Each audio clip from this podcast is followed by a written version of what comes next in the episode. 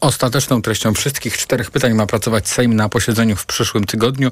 Pytania, jak zapowiada partia rządząca, będą publikowane w jej mediach społecznościowych. A do tego tematu jeszcze wrócę w podsumowaniu dnia w rozmowie z profesorem Sebastianem Gajewskim, prawnikiem, analitykiem politycznym Centrum imienia Ignacego Daszyńskiego. W kanale Gliwickim znów pojawiła się złota alga. Wskazuje na to raport Głównej Inspekcji Ochrony Środowiska, że niebezpieczne mikroorganizmy pojawiły się tam już kilka dni temu. Według zapewnień państwowych organów ochrony środowiska zarówno rzeka Odra, jak i jej dopływy są stale monitorowane pod kątem właśnie złotej algi. Dotąd jednak oficjalnych ostrzeżeń w tej sprawie nie ma. Dlaczego? O tym teraz reporter TOK Szymon Kępka.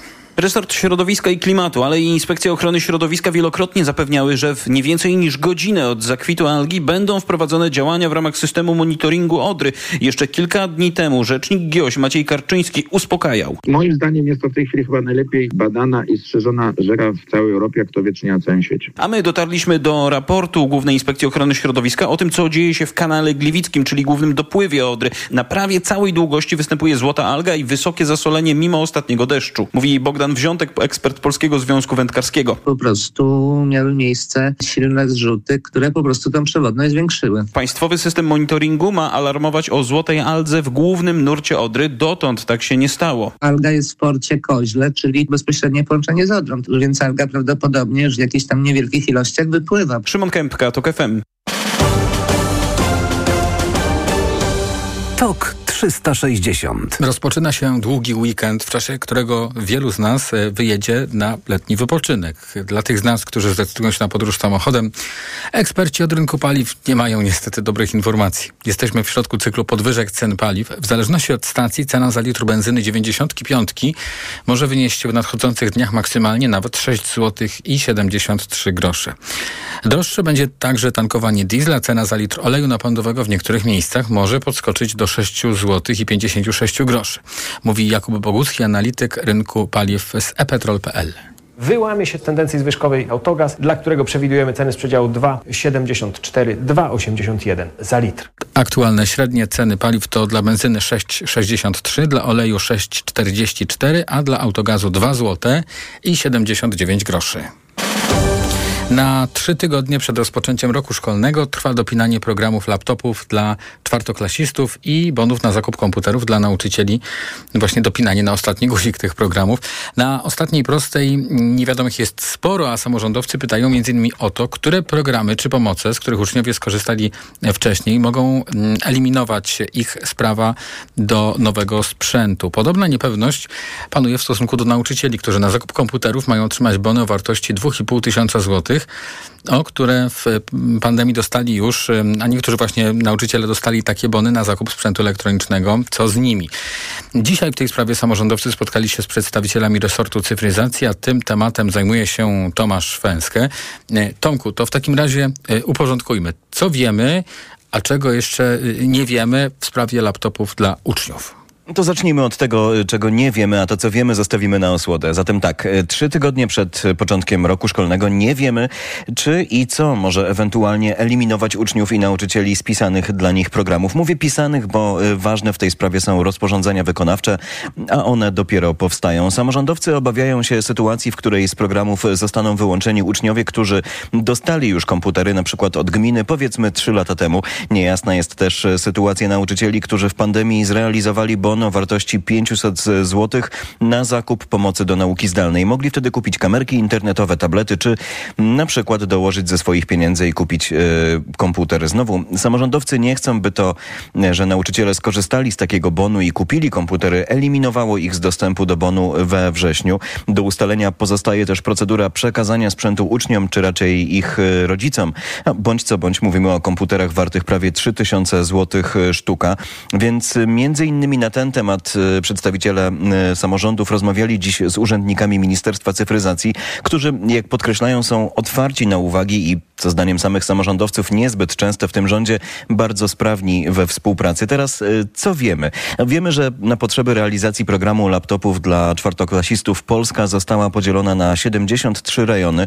Postępowania, które miały wyłonić dostawców sprzętu i modele komputerów zostały zakończone w ośmiu. W, w pozostałych, jak mówi minister cyfryzacji Janusz Cieszyński, trwa przetargowa dogrywka. Tak, żebyśmy uzyskali najkorzystniejsze ceny. Mamy 13 firm, 6 renomowanych producentów z całego świata. Te firmy, które wzięły udział w tym przetargu, one współpracują z tymi producentami, są dystrybutorami albo partnerami. To jest prawdopodobnie teraz największe takie postępowanie przetargowe w Europie, a może nawet i na świecie. Na dziś rozstrzygnięte są postępowania dla rejonu sandomiersko-jędrzejowskiego, siedleckiego, suwalskiego, bydgosko-toruńskiego, chełmsko-zamojskiego, radomskiego, warszawsko-zachodniego i dla miasta Łodzi, do których łącznie trafi prawie 45 tysięcy laptopów. Trafią tam komputery o ekranach o przekątnej ponad 14 i ponad 15 cali, w zależności od regionu. I najprawdopodobniej z 8 gigabajtami pamięci RAM i dyskami o pojemności do 500 gigabajtów na pokładzie. A co z pozostałymi regionami?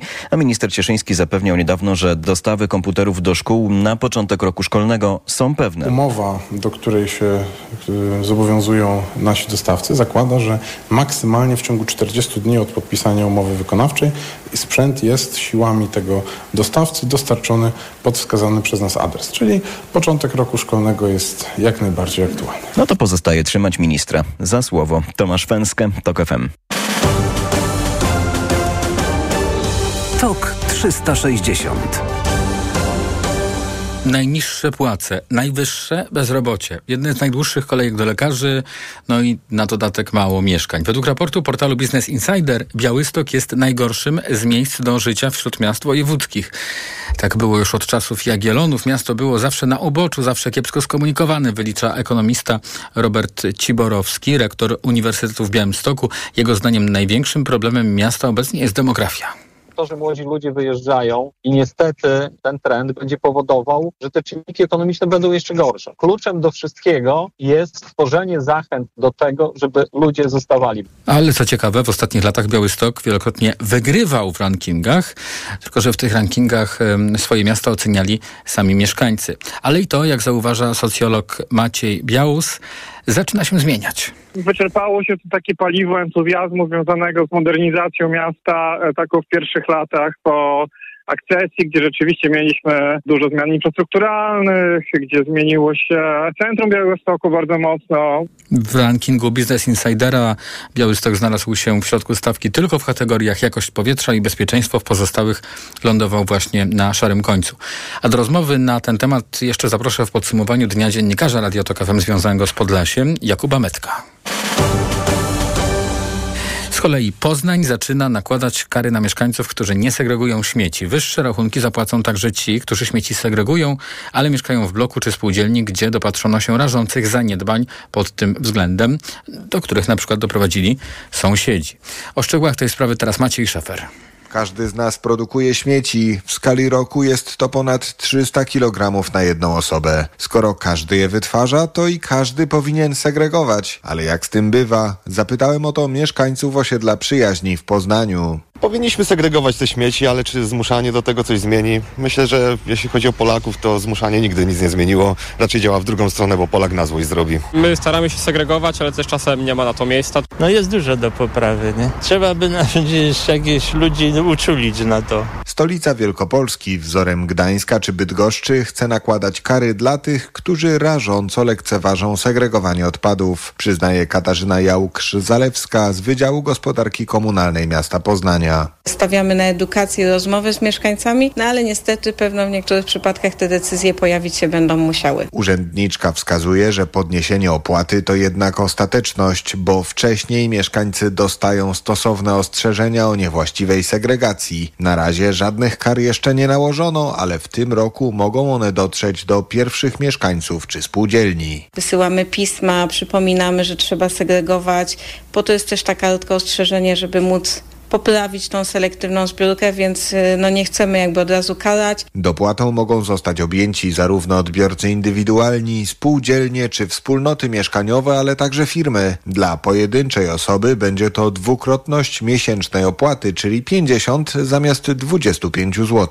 W tym przypadku działa odpowiedzialność zbiorowa. Decyzja zawsze nakładana jest na e, wspólnotę czy spółdzielnię mieszkaniową, ale też dotyczy tej grupy mieszkańców, dla których akurat została złożona deklaracja, bo tutaj to jest różnie. Czasami to dotyczy jednego bloku, czasami danego MGO. E, spółdzielnie, wspólnoty różnie też składają e, te deklaracje i wiadomo, że no, wspólnota tak obciąży poszczególnych mieszkańców. Miasta zaczynają działać, bo za półtora roku samorządy mają wykazywać recyklingowanie śmieci na poziomie co najmniej 55%.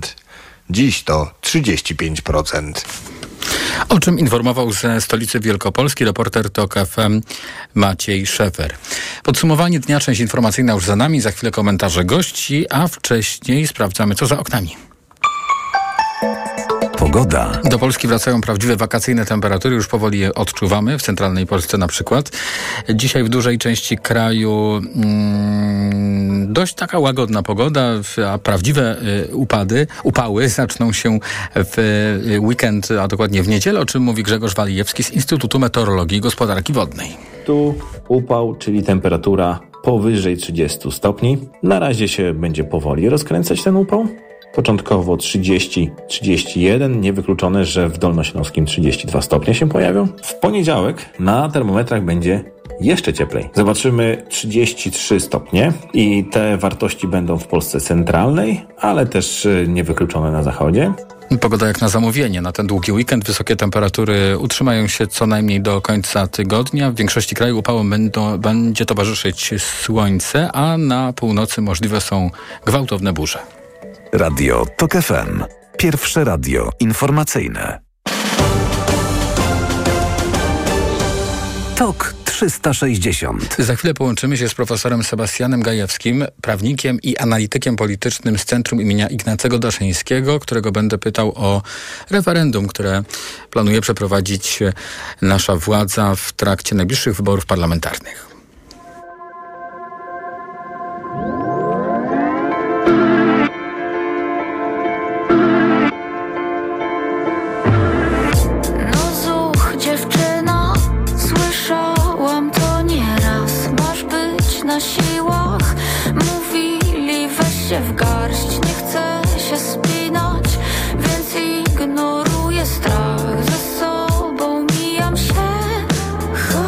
Popadnie. Chcę do siebie dojść Wiedzieć czym to pachnie. Znaleźć jakiś schron.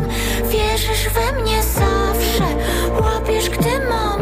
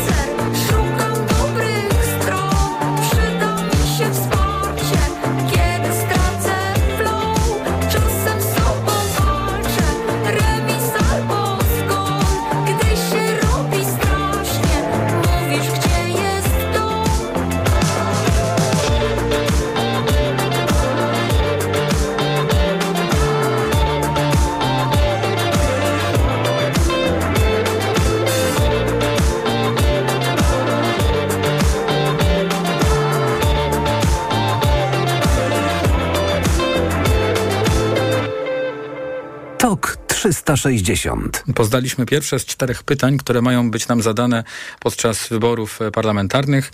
E, Referendum ma być przy okazji przeprowadzone. Tak e, planuje nasz rząd. E, Jeszcze tym się zajmie Sejm. No ale na tym etapie jeszcze, zanim się zajmą tą kwestią posłowie, to wiemy, że to pierwsze z pytań będzie brzmiało. Czy popierasz wyprzedaż państwowych przedsiębiorstw, co ogłosił e, wicepremier, prezes PiSu Jarosław Kaczyński. W tej sprawie łączymy się teraz z profesorem Sebastianem Gajewskim, prawnikiem, e, analitykiem politycznym Centrum imienia Ignacego Daszyńskiego. Dzień dobry, witam w podsumowaniu dnia. Dzień dobry panie redaktorze, dzień dobry państwu. No i w tej chwili znam tylko jedno pytanie. Jutro poznamy kolejne, następnego dnia kolejne, więc rządzący sobie taką trochę zabawę z nami wyborcami urządzają, tak, tak pozwolę sobie to ocenić. Ale na wstępie chciałem zapytać, o co tutaj chodzi? Miało być referendum migracyjne. E, No tak, okazuje się, że miało być referendum migracyjne, jest mi referendum, które będzie dotyczyć e, kilku e, pytań. Na razie znamy jedno. I tak e, szczerze powiedziawszy, może zacznijmy od, od samego tego pytania, bo ono dla mnie przynajmniej jako dla prawnika budzi pewne wątpliwości, ponieważ nie jestem przekonany, czy jest zgodne z intencją Prawa i Sprawiedliwości, a właśnie może zgodne z tą intencją jest, dlatego że to pytanie odnosi się do pojęcia przedsiębiorstw państwowych. W Polsce mamy ustawę o przedsiębiorstwach państwowych i takich przedsiębiorstw w Polsce jest kilkanaście, z czego zdecydowana większość w upadłości lub likwidacji. Jedynym dużym przedsiębiorstwem państwowym jest Polska Żegluga mm, e, Morska i nie jestem przekonany, czy tu w rzeczywistości chodzi o to, żeby zapytać Polaków, czy mają ochotę, żeby ktoś sprzedał polską żeglugę morską. Oczywiście można by budować taki scenariusz, że to jest jakiś rodzaj niedopowiedzenia, że przecież wszyscy wiedzą, o, że tutaj chodzi o spółki Skarbu Państwa, e, tak zwane. No ale zaczynam się zastanawiać, czy może jednak nie ma tutaj jakiegoś chytrego planu, no bo przecież wynik referendum e, jest, jeżeli weźmie w nim udział odpowiednia liczba obywateli i obywatelek, jest wiążący. No i różne organy władzy publicznej muszą podjąć określone decyzje. I jeśli będziemy czytać literalnie treść tego pytania, przecież nie ma powodu, ażeby czytać je inaczej niż ni- przez przepisy obowiązującego prawa, czyli przez ustawę o przedsiębiorstwach państwowych, no to wyjdzie na to, że ileś tam tysięcy czy milionów Polaków po prostu opowie się za niesprzedawaniem e, polskiej żeglugi morskiej i tylko w takim zakresie to referendum będzie wiążące, a jak ktoś będzie chciał się pozbyć, e, w sensie Skarb Państwa będzie chciał się pozbyć swoich akcji z jakiejś spółki, które nazywamy spółkami Skarbu Państwa, to nie będzie nic stało na przeszkodzie, a na pewno nie będzie stał na przeszkodzie wynik tego e, referendum. Ale zdaje się, że intencja, tak to jest odbierane, tak to też odebrał lider Platformy Obywatelskiej Donald Tusk, który nawiązał do, znaczy właściwie opublikował zdjęcie roześmianego Daniela Obajtka, czyli szefa Orlenu i nawiązał do sprzedaży części Lotosu y, Saudyjczykom, bo tak to jest odbierane, jako, w, że, że wchodzą w to właśnie spółki Skarbu Państwa i, i, i, wszystko to. Y, jak pan sądzi, to właśnie, jaka to mogła być intencja? No, druga intencja na pewno jest oczywiście intencja także polityczna, związana z kampanią wyborczą, to znaczy jest to temat ważny dla programu Prawa i Sprawiedliwości i wiemy, że wokół tego będzie chciała skoncentrować swoją kampanię Zjednoczona Prawica. Natomiast ja też zwracam uwagę na, na drugi aspekt, to znaczy jeżeli już przyjmiemy, że w tych przedsiębiorstwach, w pytaniu o przedsiębiorstwa państwowe nie chodzi o przedsiębiorstwa państwowe, czyli tą polską żeglugę morską i parę firm, które jest od dawna w upadłości lub likwidacji, tylko chodzi o spółki e, Skarbu Państwa, e, no to warto zwrócić uwagę na to, że w ustawie o referendum ogólnokrajowym e, w kampanii referendalnej mogą wziąć udział nie tylko partie polityczne, ale także stowarzyszenia i e, fundacje. A na przykład wiele spółek Skarbu Państwa takie fundacje e, utworzyła. No i biorąc pod uwagę przepisy ustawy o referendum ogólnokrajowym, no nie ma żadnych przeciwwskazań, żeby w kampanii referendalnej mogły wziąć udział takie fundacje spółek No i to właśnie Państwa. podnosi opozycja, że tutaj mamy do czynienia z y, finansowaniem kampanii wyborczej na rzecz y, aktualnie y, rządzących sił politycznych z kolejnego portfela, że się otwiera taki kolejny budżet. Pan z tymi zarzutami się zgadza? Tutaj mamy, należy zwrócić uwagę na dwie kwestie. Znaczy, kampania wyborcza ona e, ma swoją regulację w kodeksie wyborczym i przede wszystkim ta regulacja odnosi się do gospodarki finansowej i majątkowej komitetów wyborczych, która jest niezwykle rygorystyczna. Ona jest nawet niezwykle rygorystyczna na tle europejskim. Mało państw ma aż tak rygorystyczne przepisy dotyczące finansowania kampanii wyborczej. Natomiast jeśli, natomiast inną regulację ma kampania referendalna. I tu jest e, tak, że jak partie polityczne tworzą komitety wyborcze i startują w wyborach, to ta kampania wyborcza może być finansowana z funduszy wyborczych tych partii, mogą wpłacać na nie tylko obywatele polscy, nie mogą zamieszkali na terenie Rzeczpospolitej Polskiej, nie mogą e, tutaj nie mogą brać, finansować tej kampanii osoby prawne, jakieś spółki, fundacje e, i tak dalej. No i są przede wszystkim limity. Oczywiście te limity, one są wysokie i one są istotne tylko dla największych partii. Realnie tylko tak, liczą się z tym, że ten limit może być przekroczony no, dwie, dwie, naj, dwie czy trzy największe, dwa czy trzy największe komitety wyborcze. Natomiast w trakcie kampanii referendalnej ta sytuacja wygląda zupełnie inaczej. Otóż tutaj już partie polityczne mogą wydatkować bezpośrednio e, ze swoich środków finansowych pieniądze, nie mają limitu ogólnego, nie mają limitu na reklamę i niejako równolegle z jednej strony prowadząc kampanię hmm, wyborczą ze środków komitetu wyborczego, które trafiają tam z funduszy wyborczych partii, gdzie obowiązuje limit i bardzo ścisłe zasady pozyskiwania i wydatkowania środków, prowadzą sobie kampanię wyborczą, a w sprawach poddanych pod referendum partie polityczne dodatkowo ze swoich środków innych niż z funduszu wyborczego i nie za pośrednictwem komitetów wyborczych, tylko bezpośrednio mogą sobie prowadzić jeszcze kampanię. Ale... limit nie obowiązuje. Jedno to limit, a drugie to budżet, no bo te pieniądze trzeba mieć po prostu fizycznie. A, e, To, pra- to prawda, no ale na partie polityczne mogą wpłacać też tylko e, obywatele e, Rzeczpospolitej Polskiej zamieszkali na e, terenie Polski, plus partie korzystają Ale jak wiemy ze śledztw dziennikarskich, przepraszam panu tutaj przerywam, no to akurat Prawo i Sprawiedliwość e, jest zasilane bardzo tak sowicie przez e, e, chociażby ludzi zasiadających w spółkach Skarbu Państwa. To jest rzeczywiście jeden aspekt, no ale pamiętajmy, że no, z darowizn korzystają wszystkie partie e, polityczne. Ale rzeczywiście tutaj mamy możliwość taką, żeby dodatkowo w kampanii referendalnej korzystać z dodatkowych środków e, finansowych, a przecież wiadomo, że kampania wyborcza też będzie o tematach, które są w kampanii referendalnej. Natomiast jest jeszcze drugi aspekt, na który chcę zwrócić uwagę.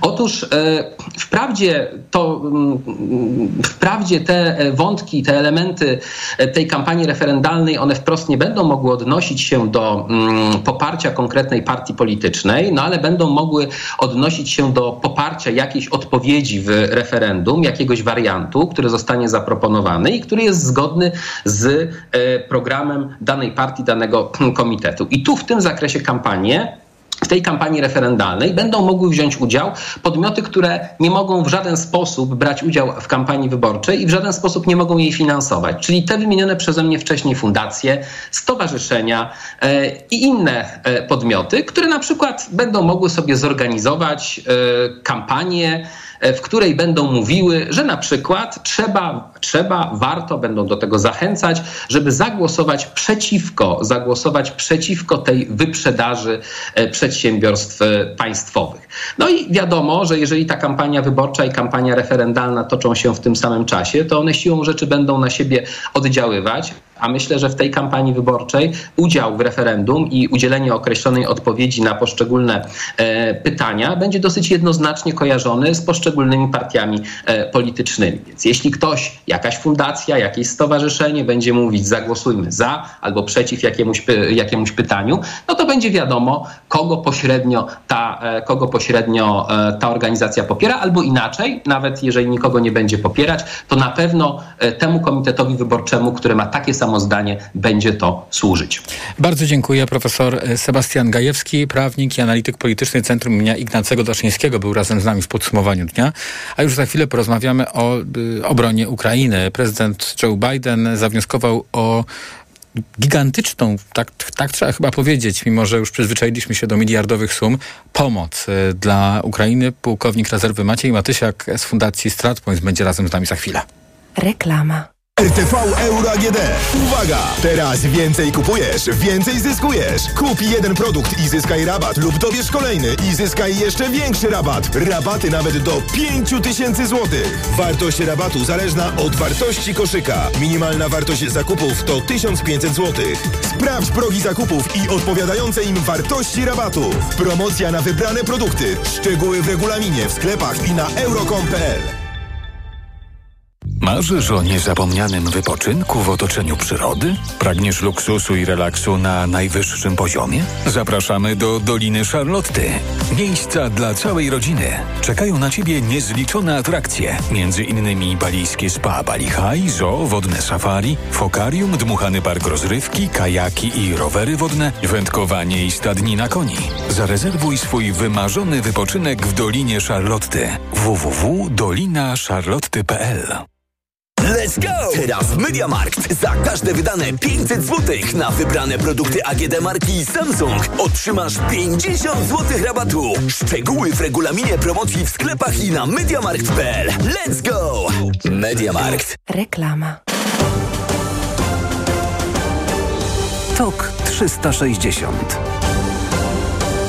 Jedna osoba zginęła, a 16 zostało rannych w dzisiejszym rosyjskim ataku na hotel w Zaporożu, o którym informują lokalne ukraińskie władze. To jest obiekt, w którym często zatrzymują się pracownicy ONZ-u i y, pracownicy NGO-sów, pozarządowych organizacji, które świadczą pomoc w Ukrainie. Na ten temat będę teraz rozmawiał z pułkownikiem rezerwy Maciejem Matysiakiem, ekspertem Fundacji StratPoints, a jednocześnie byłym zastępcą szefa służby komi- y, kontrwywiadu wojskowego. Y, pan pułkownik y, obecnie reprezentuje Akademię, Akademię Nauk Stosowanych w Gnieźnie. Dzień dobry, witam w podsumowaniu dnia. Dzień dobry panu, witam wszystkich słuchaczy. I chciałem, żeby na początek pan właśnie odniósł się do tego charakteru tych rosyjskich ataków w ostatnich dniach. Czy taki cel jak hotel, w którym się zatrzymują pracownicy ONZ-u, może być e, tutaj przypadkowy?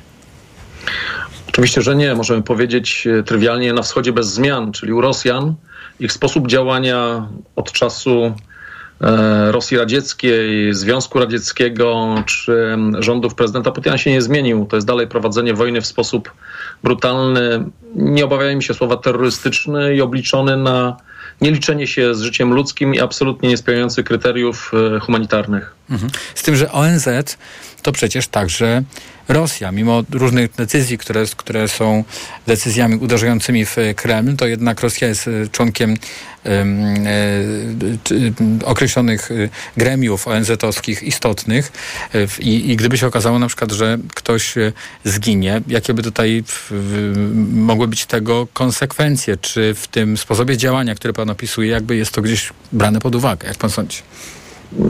Żadnych uważam, jeżeli chodzi o Rosję. Rosja się z tym liczy i Rosja działa na tym sposobem między innymi na zniechęcenie wspierania Ukrainy przez kogokolwiek.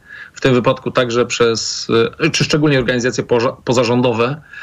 ONZ od dawna jest już trochę fasadową organizacją i Rosja ma tego świadomość, chociażby z tego powodu, że sama zasiada w Radzie Bezpieczeństwa, ma prawo weta, więc żadne działanie oficjalne, formalne ONZ-u przeciwko Rosji nie będzie postanowione, bo Rosja ma prawo weta i może zawetować każdą decyzję.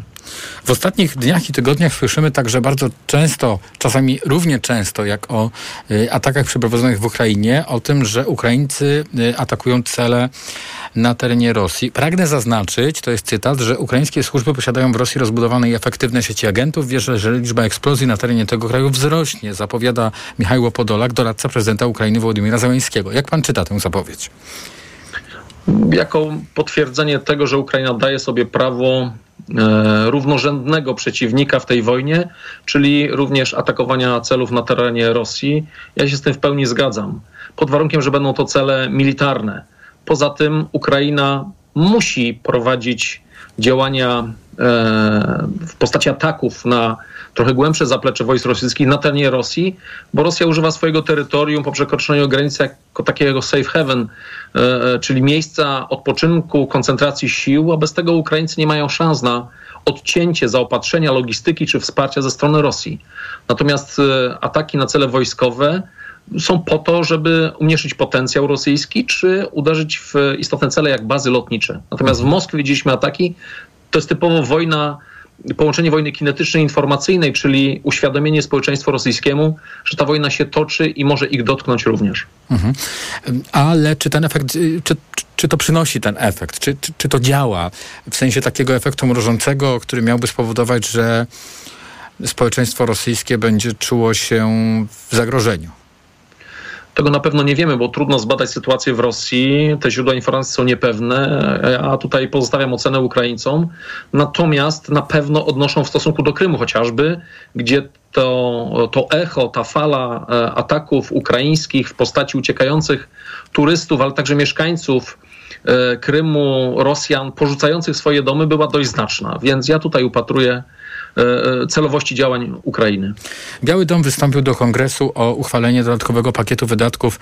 To w sumie łącznie ponad 20 miliardów dolarów na pomoc e, wojskową i gospodarczą dla Ukrainy. Jakie znaczenie może mieć ta pomoc? Bo to już do takich wielomiliardowych sum się zdążyliśmy przyzwyczaić e, na tym etapie wojny dla y, przebiegu walk dla, dla Ukrainy, dla kontrofensywy.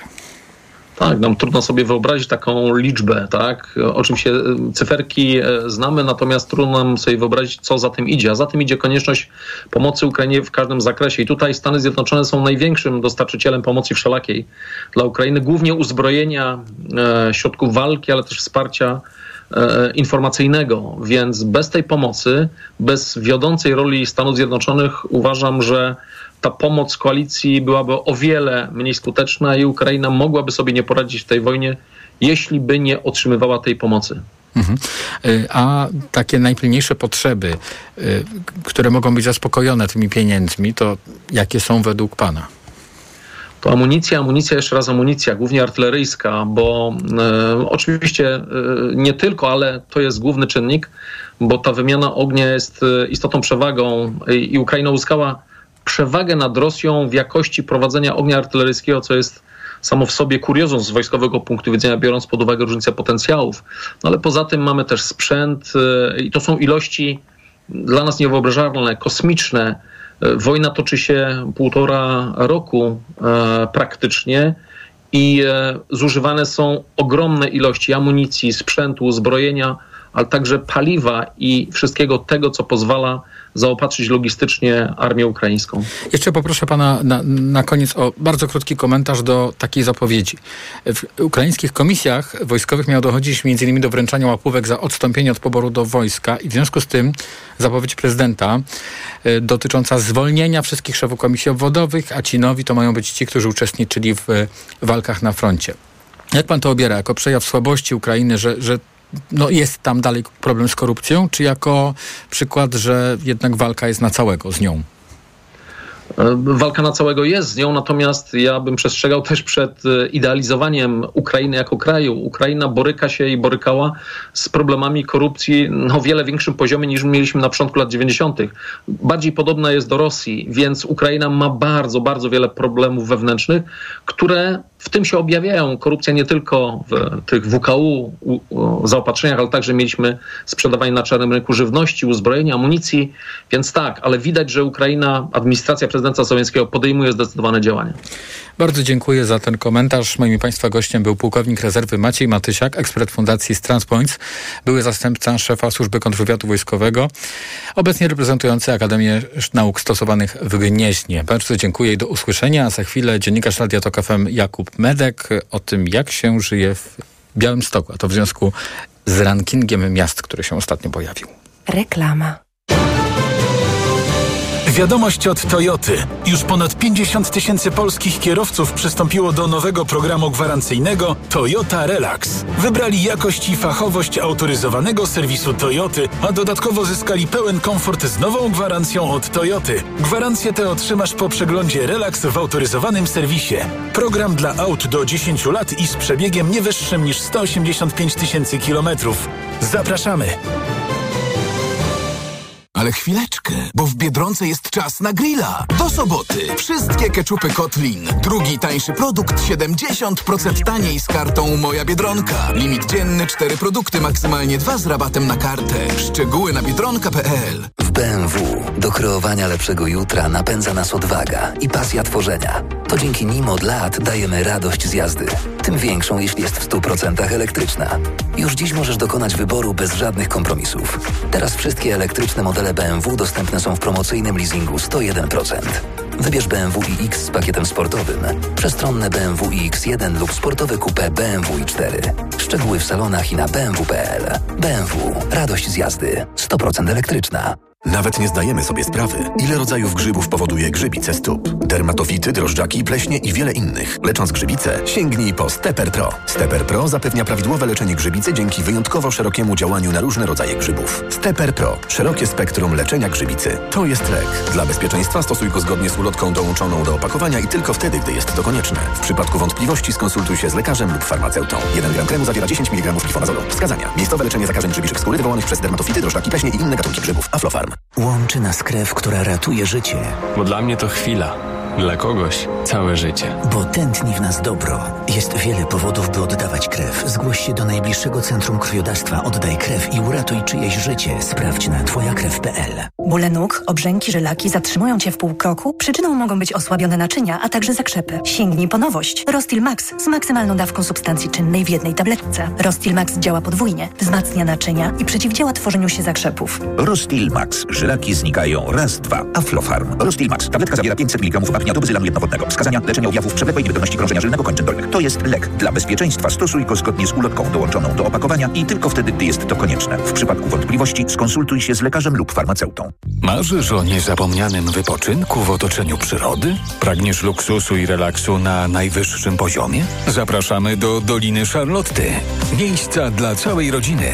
Czekają na Ciebie niezliczone atrakcje. Między innymi balijskie spa Bali High, zoo, wodne safari, fokarium, dmuchany park rozrywki, kajaki i rowery wodne, wędkowanie i stadnina koni.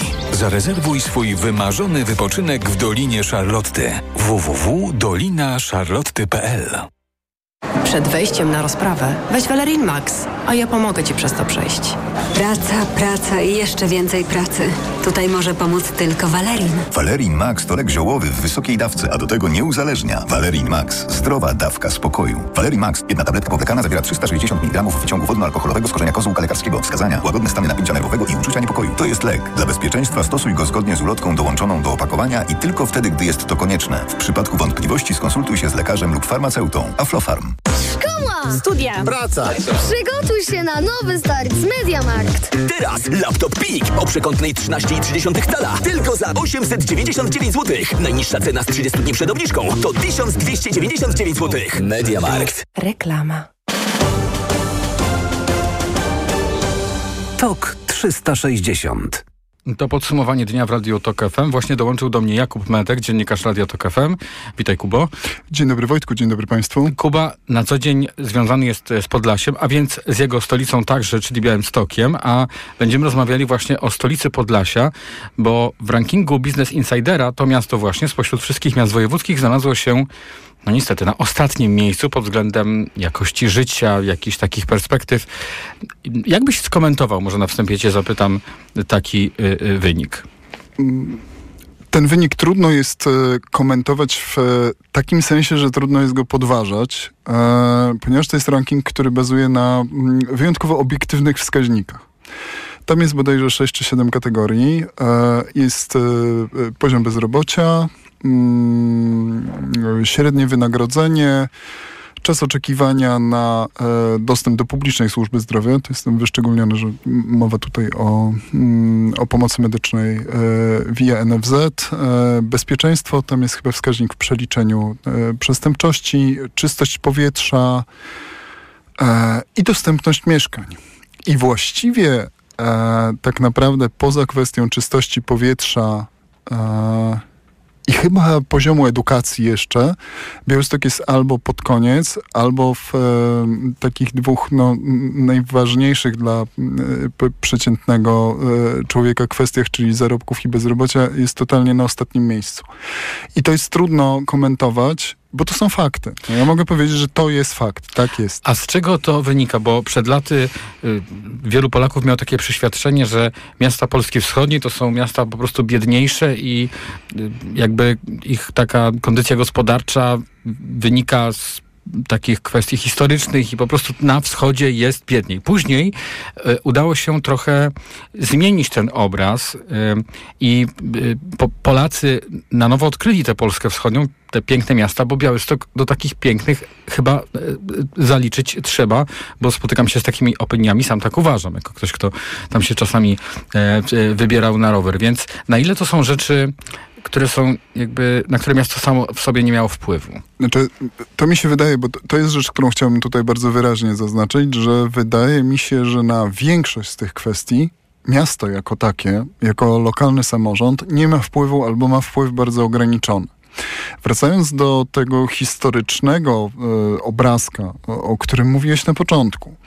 E, ja prosiłem o komentarz do, mm, e, do tego rankingu e, Business Insidera, e, między innymi e, wieloletniego dziekana Wydziału Ekonomii Uniwersytetu w Białymstoku, obecnie rektora tej uczelni, profesora Roberta Ciborowskiego i mm, on w pierwszym zdaniu powiedział, że właściwie to już od czasów Jagiellonów e, tu było zawsze biednie, mm, zawsze daleko, zawsze z nie najlepszą komunikacją i zawsze, no oczywiście w przypadku Jagiellonów nie możemy mówić o przemyśle, e, o tym możemy mówić później, ale z dość kiepskim uprzemysłowieniem i że to są rzeczy które były, nadal są i które niewątpliwie na to wszystko e, mają wpływ. Natomiast on zwraca uwagę na jedną e, kwestię, jego zdaniem obecnie najistotniejszą, e, kwestię tego, że to jest że dochodzi tam do pewnego sprzężenia zwrotnego, że to jest miejsce, które jest nieatrakcyjne dla młodych ludzi, więc młodzi ludzie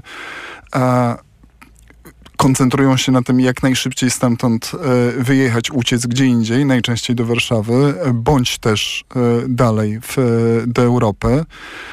W Belgii jest, zdaje się, najwięcej mieszkańców Podlaskiego, e, poza Podlaskim.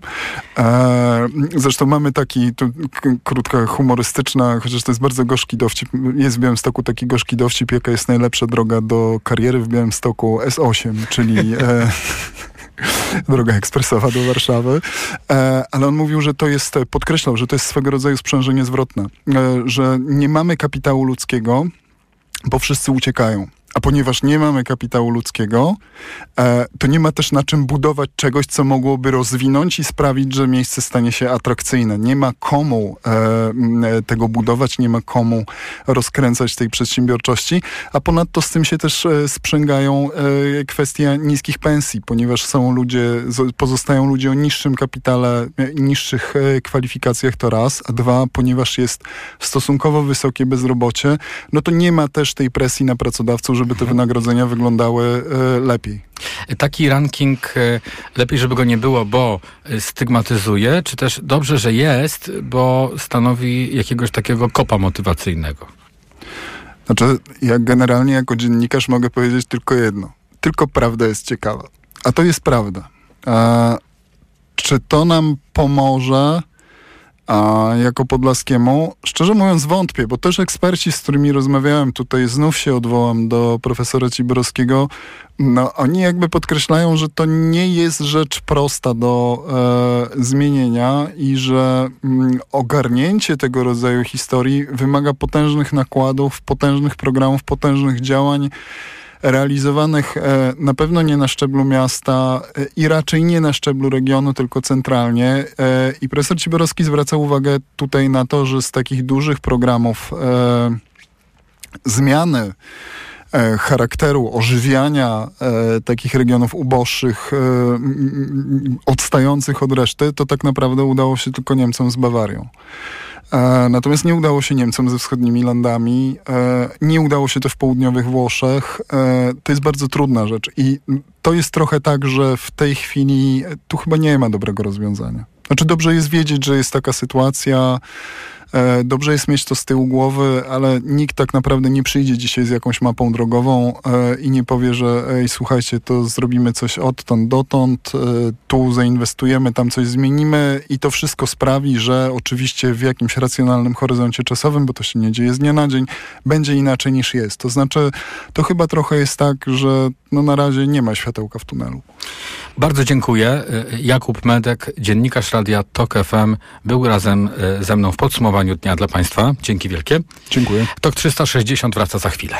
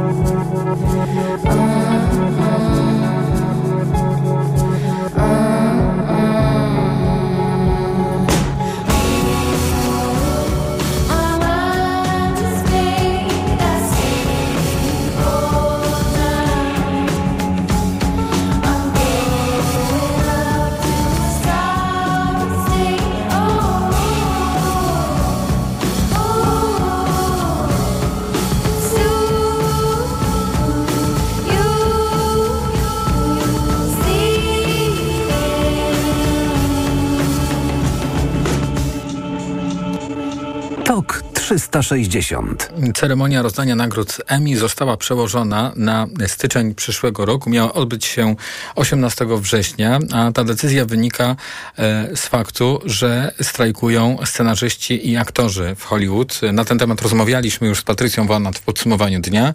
No i teraz ponownie się z Patrycją łączymy. Cześć Patrycja.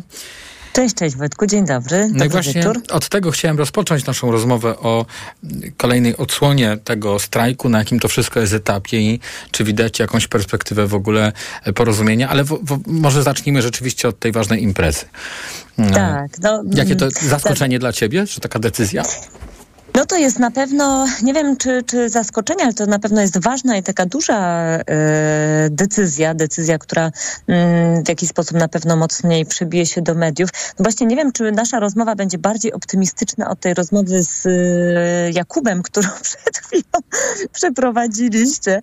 E, no bo tutaj, jeśli chodzi o strajk scenarzystów i aktorów, to też za dużo dobrych wiadomości nie ma. No właśnie, tak jak powiedziałeś, nagroda e, Gala Nagród Emmy została przełożona na styczeń. Ja jestem bardzo ciekawa, jak będzie wyglądał zbliżający się festiwal filmowy w Wenecji, na który dość dużo gwiazd z Hollywood zawsze przyjeżdżało. No a tutaj faktycznie już widać, że nie są organizowane junkety, czyli takie spotkania filmowców z dziennikarzami. I dziennikarkami. Tak samo no nie wiadomo, kto pojawi się na tym czerwonym dywanie w Wenecji. To znaczy wiadomo, że pojawią się na pewno mm, aktorzy, twórcy z, mm, z, z, z Europy, y, z Azji, z Afryki, no ale z Hollywood akurat y, ich nie będzie. No właśnie, także ciekawe, ciekawa jak jest, sama jestem, jak ta Wenecja będzie e, wyglądać. A jeśli chodzi o sam strajk scenarzystów, no mm, były podejmowane w zeszłym tygodniu takie próby, no właśnie jeszcze nie rozmowy, ale takich negocjacji przed rozmowami. Gildia Scenarzystów spotkała się z przedstawicielami takiej organizacji, która właśnie reprezentuje interesy producentów filmowych i telewizyjnych, no i mm, miano no, zamierzano um, ustalić taką taki plan w ogóle, w jaki, od czego zacząć te negocjacje. E, no ale do tego też e, nie doszło, więc tak naprawdę wygląda to wszystko nie za, nie za ciekawie. Niektórzy boją się, że Hollywood po prostu będzie czekać. Zresztą my też o tym rozmawialiśmy w tych naszych rozmowach mhm. piątkowych, mhm. że być może Hollywood będzie chciał zagłodzić po prostu scenarzystów. Na pewno by, byłoby to bardziej możliwe, gdyby aktorzy nie poparli scenarzystów. No a teraz, czy da się zagłodzić i aktorów, i scenarzystów, czy to bardziej I tutaj nasuwa się ustąpią. No od właśnie. razu historia Billiego Portera w ostatnich dniach ona się pojawiła jako y, osoby, która jest zmuszona do sprzedaży domu y, z powodu tej właśnie sytuacji, y, choć pewnie niektórzy słuchacze sobie pomyślą, że chcieliby być w sytuacji finansowej nawet no tak, najgorzej no zarabiającego aktora i o tym trzeba pomyśleć. Ale jak ty byś to właśnie wypośrodkowała? Jestem ciekaw właśnie twojego, twojego, twojego spojrzenia. Czy wciąż należy mówić o tym, że te, te podmioty, studia filmowe, od których zależni są aktorzy, scenarzyści, są właśnie tymi przede wszystkim y, y, stronami takimi, którymi kieruje chciwość. No, przyznam się, że tak, no ja, nie, ja jestem za strajkującymi e, tutaj akurat w tej sytuacji, bo musimy pamiętać o jednej ważnej rzeczy. My pochylamy się nad jakimiś miliardowymi dochodami gwiazd e, filmowych, aktorów, którzy no, czasami zarabiają dużo więcej niż, e, nie wiem, reżyserzy prawda, filmów, których, w których się pojawiają. Ale to jest jednak wierzchołek góry lodowej. Ta, ta, ta reszta aktorów i scenarzystów, też przede wszystkim, to są po prostu ludzie, którzy bardzo ciężko e, pracują. Nawet jeśli uda im się złapać jakąś rolę, no to, mm, to, to, to nie jest tak, że te role pojawiają się non-stop. E, jednak ten proces e, castingów też jest bardzo długi. No to nie jest tak, że po prostu wszyscy aktorzy w Hollywood zarabiają krocie. Większość jednak tych wielkich, milionowych stawek nie dostaje, no i to jest akurat moim zdaniem bardzo fajne, że ci również ci, ci milionowi aktorzy, ci bardzo znani twórcy, oni jednak myślą szerzej, prawda? Nie myślą tylko o swoich zarobkach, ale myślą mhm. o całym biznesie i o tym, w którą stronę ten biznes zmierza i no właśnie, też to, to już byśmy, nie mamy na to czasu, ale czy wejście platform e, streamingowych do produkcji filmowej jest dobre? No pewnie tak, bo więcej pojawiło się pieniędzy na rynku, ale jakie filmy one tworzą, w jaki sposób zostało no, wypośrodkowana w zasadzie jakość filmowa, no tu też pojawia się naprawdę dużo, y, dużo pytań i odpowiedzi wcale nie są takie proste. A jed, jednym zdaniem, gdybyś odpowiedziała, bo chciałem, żebyśmy przeszli jeszcze do twojego sobotniego planu. Tak. Mm, czy, no bo wielu widzów w ogóle pewnie nie wie o tym, o tym strajku y, i czy może nadejść jakaś taka filmowa katastrofa, że włączamy, nie wiem, platformę streamingową, idziemy do kina, a tam nie ma filmu z powodu tych wydarzeń w Hollywood? No tak na pewno nie będzie, dlatego że Hollywood to nie jest e, cały świat filmowy, prawda? E, na szczęście jest bardzo dużo mm, no, po prostu filmów z, z, wielu, wielu innych krajów. No, są ogromne przecież rynki produkcji filmowej, czy w Europie, czy w Ameryce Południowej, nie mówiąc o Azji, więc ten, e, no, ten to brzydkie słowo content, ale ten content zawsze jakiś tam y, będzie. Oczywiście pojawiają się takie informacje, nie wiem, teraz Deadpool 3 został premier premiera została opóźniona. Nie wiadomo, kiedy zobaczymy mm, trzecią część tego filmu właśnie przez strajk, więc co jakiś czas, pamiętasz, my rozmawialiśmy Mhm. o Pawle Pawlikowskim, więc co jakiś czas te informacje się pojawiają, ale to nie będzie tak, że jest tak wielka nadprodukcja seriali i filmów, że to na pewno nie będzie tak, że, że, że nie będziemy mieli co oglądać. Chociaż jakość tego, co dostajemy, pewnie z, no, z, z biegiem tych miesięcy będzie się obniżać. No, bez scenarzystów e, Hollywood, e, cóż, no, kto, kto wymyśli, czy sztuczna inteligencja wymyśli te błyskotliwe, wciągające historie? Nie sądzę, prawdę mówiąc. Więc e, no, pewnie odczujemy to, ale to w jakimś duży, długim czasie, no i nie tak radykalnie, że pójdziemy, a tam filmu nie ma. I pewnie do tematów, w któryś piątek jeszcze wrócimy. Y, A teraz o sobocie i o twojej gościni, czyli Agnieszce Holland, która już jutro w magazynie filmowym do zobaczenia po godzinie 10. No, pewnie tematów nie braknie. No tematów braknie, bardzo się cieszę, że, że Agnieszka Holland tutaj przyjęła zaproszenie. Jutro e, tak o- po godzinie 10 mm, będziemy rozmawiać. E, Będziemy rozmawiać przede wszystkim o Zielonej Granicy, bo to jest jej najnowszy film, który swoją premierę będzie miał w Wenecji już za chwilę na właśnie festiwalu filmowym w Wenecji. Później pojedzie do Toronto, do Nowego Jorku. No a Agnieszka Holland razem z tym filmem i twórcy, pozostali twórcy filmu również razem z tym filmem, bo e, no, myślę, że to będzie bardzo ciekawe, jak publiczność zareaguje właśnie na ten film, jakie dyskusje mm, sprowokuje. Najpierw na świecie, później również w Polsce, bo do 22 września ten film wchodzi do y, kin, do, do szerokiej dy- dystrybucji. No i tak jak powiedziałeś, tematów nie zabraknie. Będziemy rozmawiać na pewno i o, e, i o y, uchodźcach, i, e, i o tym, co dzieje się na polsko-białoruskiej granicy, no ale na pewno nie tylko, bo jak wiadomo, Agnieszka Holland jest e, wspaniałą obserwatorką życia e, współczesnego, tego, co się dzieje wokół nas, więc zapraszam bardzo gorąco. Bardzo dziękuję, Patrycja Fanat. No i co, wspólnie życzymy Państwu na sam koniec programu y, pięknego, przyjemnego, także filmowego, w któryś wieczór długiego weekendu. Dzięki Patrycja, Oczywiście. do usłyszenia. Dziękuję bardzo, do usłyszenia. Audycję przygotował Tomasz Krzemiński, realizował ją Adam Szuraj. Ja nazywam się Wojciech Muzal, bardzo Państwu dziękujemy. Wszystkiego dobrego raz jeszcze. TOK 360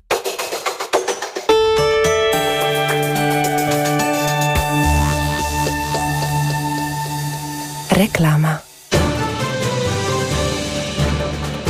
Wiadomość z ostatniej chwili. W salonach Toyoty ruszyła właśnie sezonowa wyprzedaż. Nowe auta dostaniesz na niej w niesamowitej ofercie. Na przykład stylową, oszczędną i bezpieczną Toyotę Yaris, która ma najnowsze multimedia i świetnie się prowadzi.